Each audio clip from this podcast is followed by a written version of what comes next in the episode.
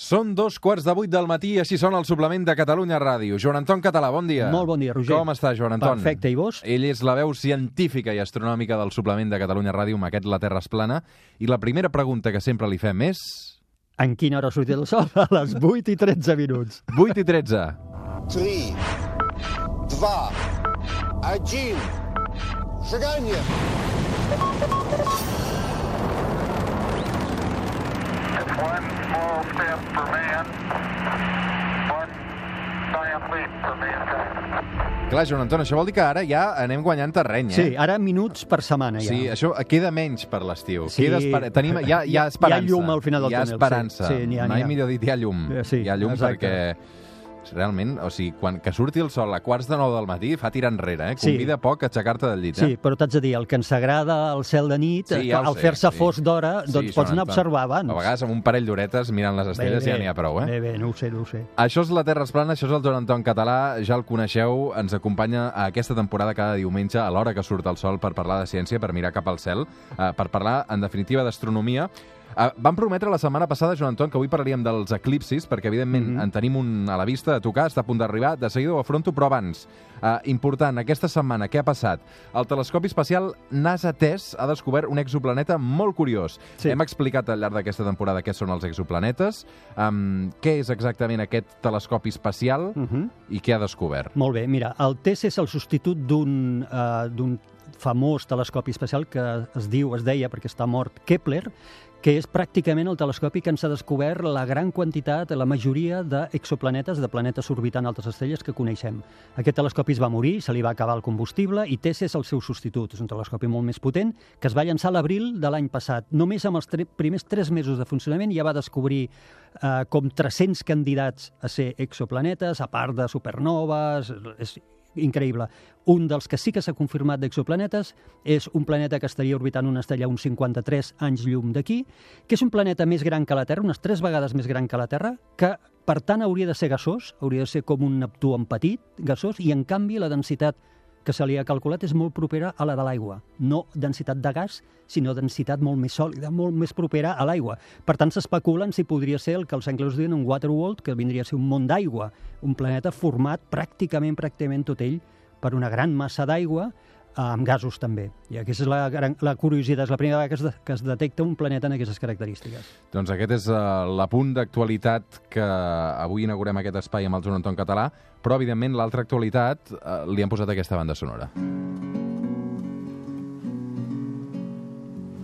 Eclipse de luna en el cielo, ausencia de luz en el mar, sufriendo de amargo desvelo, mirando la noche me puse a pensar. Perquè uh, aquesta que canta és la Natàlia Laforcada, i, evidentment, uh, parla d'una cançó que es diu Eclipsi. Um, quan ha d'arribar aquesta eclipsi, Joan Aquesta Anton? matinada, Aquesta matinada, eh? Sí, és a dir, queden ma- menys de 24 hores. menys de 24 hores ja haurà acabat l'eclipsi. Ara després, si vols, repassem els horaris. Eh, jo, com que demà és dilluns, eh, qui no es vulgui despertar de matinada per veure'l, no cal que pateixi. A l'hora en què es desperti normalment i agafi el cotxe o a peu per anar o a l'escola o a la feina, només cal que aixequi el cel perquè l'eclipsi estarà en marxa quan ens aixequem del llit. Què ha de passar exactament? Mira, l'eclipsi de lluna, per entendre'l, és una alineació entre el Sol, la Terra i la Lluna, en aquest ordre, de forma que la Lluna... Sol, terra, lluna. Exacte, de forma que la Lluna se situa al darrere de la Terra vista des del Sol. Què passa? Que la Terra li fa ombra, no deix que la llum del Sol la il·lumini. Es diu que la Lluna entra dins del con d'ombra que projecta pel darrere la Terra. El no està il·luminada, aquesta lluna plena, després explicarem per què ha de ser obligadament plena, eh, deix d'estar il·luminada i això és, és el que anomenem un eclipsi de lluna. A poc a poc la lluna es va mossegant, la veurem com es va mossegant, similar a un eclipsi de sol, va perdent lluentor eh, per, una, per un costat i això va progressant, que és el moment en què la lluna va I entrant... Tenim una lluna plena que va desapareixent. Exacte.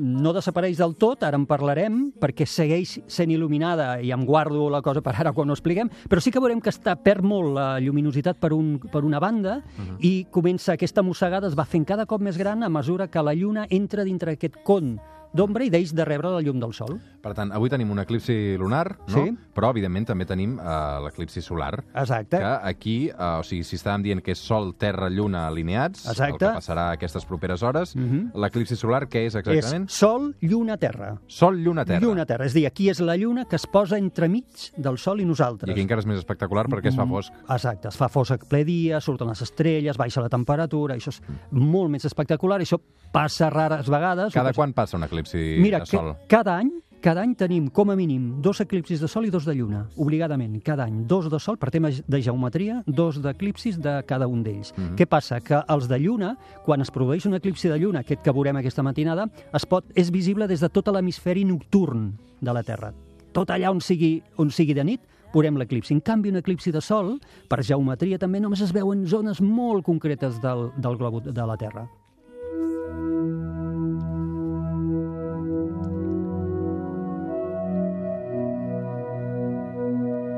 Som al Suplement, som a Catalunya Ràdio, això que sona és La Terra es plana amb el Joan Anton Català, avui parlant d'aquest eclipsi lunar imminent. A quina hora començarà això, Joan Anton? Això començarà a les 4 i mitja de la matinada, però la fase més xula, més xula, ja anirà cap a les 6 Mhm. del matí. Per, per això deia que no caldrà que, que fem molts esforços, o extremen esforços per, per poder-ho per poder-ne gaudir. Tots els eclipsis de lluna són totals? No, no, no, en pot haver de parcials perquè depèn de com la Lluna entri dintre aquest con d'ombra que projecta la Terra. Si ho fa completament i es fica dins, serà total. En canvi, si només el rossa per dalt o per baix, només una fracció de la Lluna serà tapada i això en- n'anomenaríem un eclipsi parcial. Mhm. Quina diferència hi ha entre el, el total i el parcial? És això que m'estàs explicant, Sí, eh? el, Vull dir, el que una entra, la lluna entra directament dintre del con d'ombra i arriba a aquesta mossegada que va progressant, progressa fins a acabar-la tapant tota, i en canvi en un parcial només eh, entra parcialment dintre d'aquest con d'ombra i només una part de la lluna queda tapada i l'altra eh,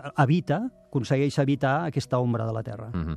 Necessitem una lluna plena, aquí. Sí, això obligadament, simplement per un tema de geometria. Si dèiem abans, un eclipsi de lluna es produeix quan estan alineats i en aquest ordre Sol, Terra, Lluna, això també és la, defini la definició de lluna plena, que és quan tenim la lluna mirant-nos a nosaltres i queda totalment eh, il·luminada de front pel Sol, per això la veiem plena. Per tant, obligadament, un eclipsi de lluna es produeix obligadament amb una lluna plena. I ara deixa'm fer-te una pregunta que no sé si és una mica absurda o no, però això vol dir que totes les llunes plenes també fan eclipsi? Entenc que no, no? No, Ah. no, i és molt bona pregunta si- per, perquè l'oient pugui fer-se la idea de que no. Uh, I això és perquè l'òrbita de la Lluna està una mica, uns 5 graus, inclinada respecte a l'òrbita, al pla de l'òrbita Sol-Terra. Què vol dir això?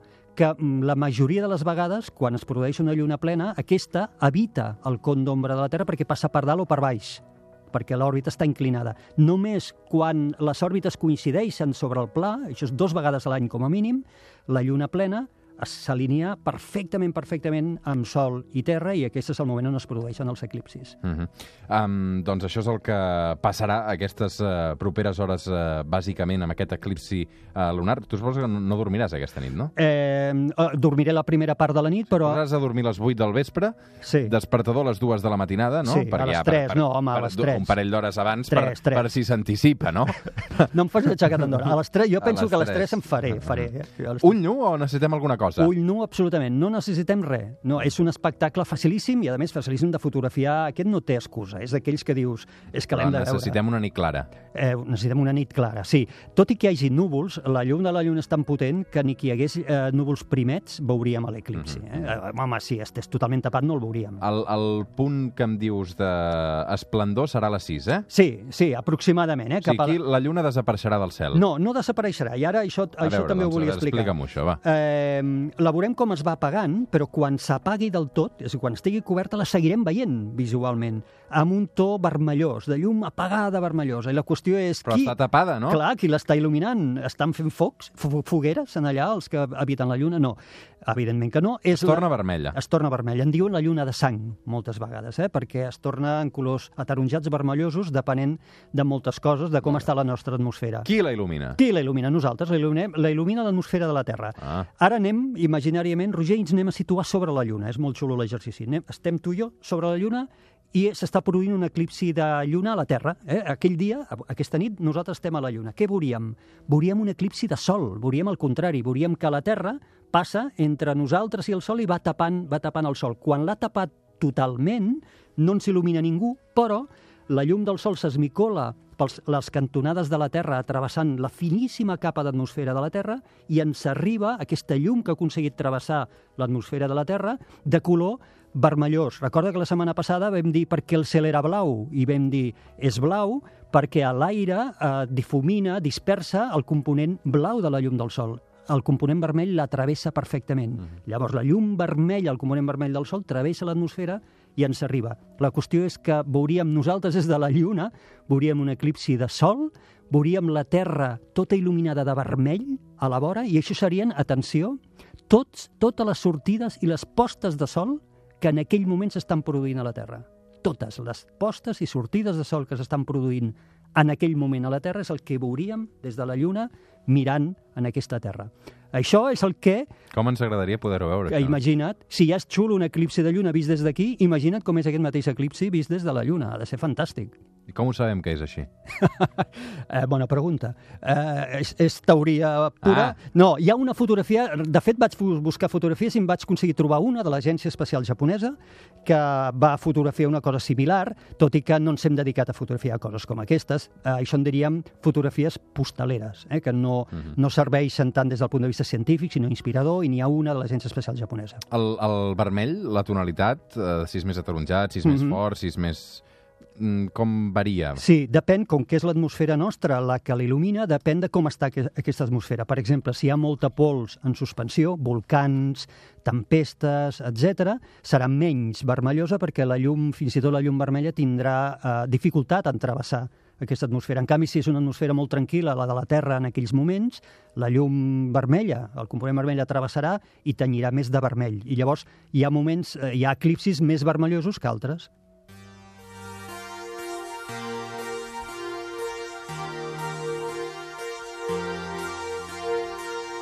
Si us agrada mirar el cel, aquesta matinada a les 3 del matí us haureu de programar el despertador.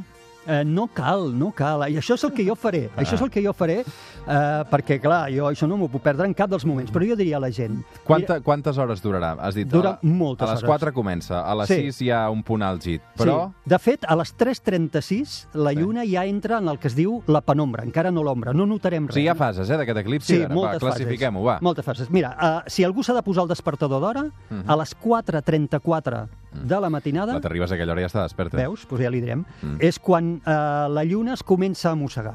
Eh? En aquell moment, 4.34 a la matinada. Bueno, qui vulgui seguir dormint, pot seguir dormint tranquil·lament perquè durarà molt. A les 5.41 la lluna queda totalment tapada. Mhm. Recordem, il·luminada per la Terra, però completament tapada des del punt de vista 5.41. I durarà fins les 6.43. Per tant, hi ha una hora d'eclipsi total. Hi ha una hora per llevar-se, per aixecar la vista al cel, mirar la lluna, que ja estarà baixeta sobre l'horitzó en aquella hora, ja anem a treballar, anem a l'escola o el que sigui, o ens dutxem, mirem a la lluna i la veurem totalment tapada perquè, ja et dic, la fase total durarà fins a les 6.43. A partir de les 6.43 la lluna es comença a destapar. Per tant, encara encara va a l'eclipsi. Um, a més, és fascinant també aquest eclipsi. Uh, no només tenim una lluna plena, sinó que tenim una superlluna. Sí, senyor, i, i això fa que duri tant aquest eclipsi. Que això vol dir que és una, una lluna immensa, no? Sí, bueno, immensa. És una mica... Això de la superlluna és un invent... N'hem parlat alguna vegada, Sí. però defineix-me el concepte superlluna. Mira, és un invent que hem fet per fer que la gent miri, miri la lluna, així de clar. Sí? Perquè, sí, bueno, perquè des d'un punt Sí. de vista científic... S'ho han inventat als Estats Units, això? Sí. Per, per vendre més? Sí, sí. No, per vendre potser no, jo És vull el Black pensar... Friday de, de No. l'astronomia, Sí, eh? la no, però no venem res. El que venem és il·lusió. El que venem, si a cas, és il·lusió i fascinació pel cel. No, això jo penso que és honest. La superlluna és una lluna eh, plena que es produeix, com que l'òrbita de la lluna és el·líptica, hi ha moments en què la lluna està més, una mica més a prop de la Terra i altres que està una mica més lluny. Una lluna plena que es produeix quan la lluna està més a prop de la Terra en diem superlluna. És molt fàcil. Es fotografia aquesta lluna amb una càmera normal de fotos i es fotografia una lluna plena que no sigui superlluna, això ho pot fer qualsevol, amb el mateix equip, això sí, el mateix objectiu, càmera, qualsevol altra lluna plena. I en un programa tractant de gràfics es comparen les dues llunes i es veurà que una superlluna és una mica més gran. Aquesta és una superlluna, la de l'eclipsi. Què produeix això? Que l'eclipsi duri més. Eh? I serà un, un eclipsi que durarà molt més, amb una lluna plena una mica més gran de lo normal, per tant, tot eh, ready, tot preparat perquè en puguem gaudir. Mm, fascinant, tot plegat. Uh, recordem que no cal tenir uh, ni un telescopi... Ni Al un... revés. Al revés, és a dir, Ull nu, eh? ull nu, gaudir, aixecar la vista, veure, fixar-se en aquest color, Mm. color vermellós de la lluna, veure si és molt vermell, si no ho és tant, veure com es destapa o com es tapa, eh, això és el més interessant. Lògicament hi haurà aficionats que sí que fotografiarem la lluna i utilitzarem instruments, telescopis... Mm. Aquelles ulleres famoses que, que veiem a vegades, Sí. que, és, que és, com una d'un color i l'altra... Sí, Això serveix per veure eclipsis, no? No, sí, per solars. Uh, són, el, són els solars. Sí, són les ulleres que són amb filtres solars que t'has de posar obligadament, sí o sí, si no vols perdre la vista, quan estàs mirant un eclipsi solar, abans de que el sol es tapi completament, que és el moment que te les pots treure. Eh? Uh, però la lluna no cal, la lluna es pot mirar perfectament, no necessitem cap, cap, cap instrument, simplement Mm. mirar i gaudir. Només una precaució, qui estigui conduint, sisplau, que no ho miri. Sí, això és important. Important. Uh, tindrem algun altre eclipsi solar a la vista aquesta temporada o no? Uh, eclipsis solars n'acabem de passar un que crec que va ser visible en parts de Sud-amèrica fa pocs dies i aquest any no en tindrem cap que a prop nostre no en tindrem cap. I de lluna tenim aquest i en tindrem un parcial eh, al juliol. Parcial vol dir els que dèiem abans, eh, que la lluna no s'arribarà a ocultar de tot, del tot. Doncs avui tots pendents d'aquest eclipsi. Uh, de fet, podem fer una cosa, uh, i és fer una crida a través de les xarxes socials, perquè com que molta gent es posarà al despertador tant d'hora com tu, o abans i tot, Uh, sí? um, doncs que ens enviïn fotografies, si, si poden fer fotos. Uh, Twitter, arroba el suplement, arroba estels i planetes, allà hi trobareu el Joan Anton Català, o també ho podeu fer a través del correu del programa suplement arroba catradio.cat. Jo sé que tu et posaràs al despertador molt Jo d'hora. sí, sí, sí, bueno, perquè de fet potser no hauré anat a dormir encara. No, hauré dormit a la tarda, també faré com tu, dormiré aquesta tarda i, i ben a punt a les 3 de la matinada.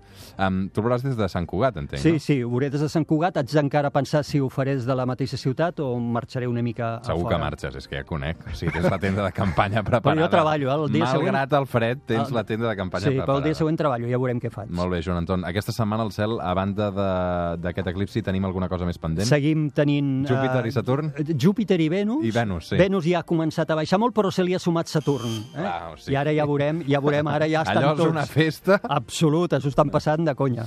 Joan Anton, una abraçada. Igualment, gràcies Que vagi bé aquesta nit, eh? Merci. Molt bé. Fem una pausa i tornem al suplement.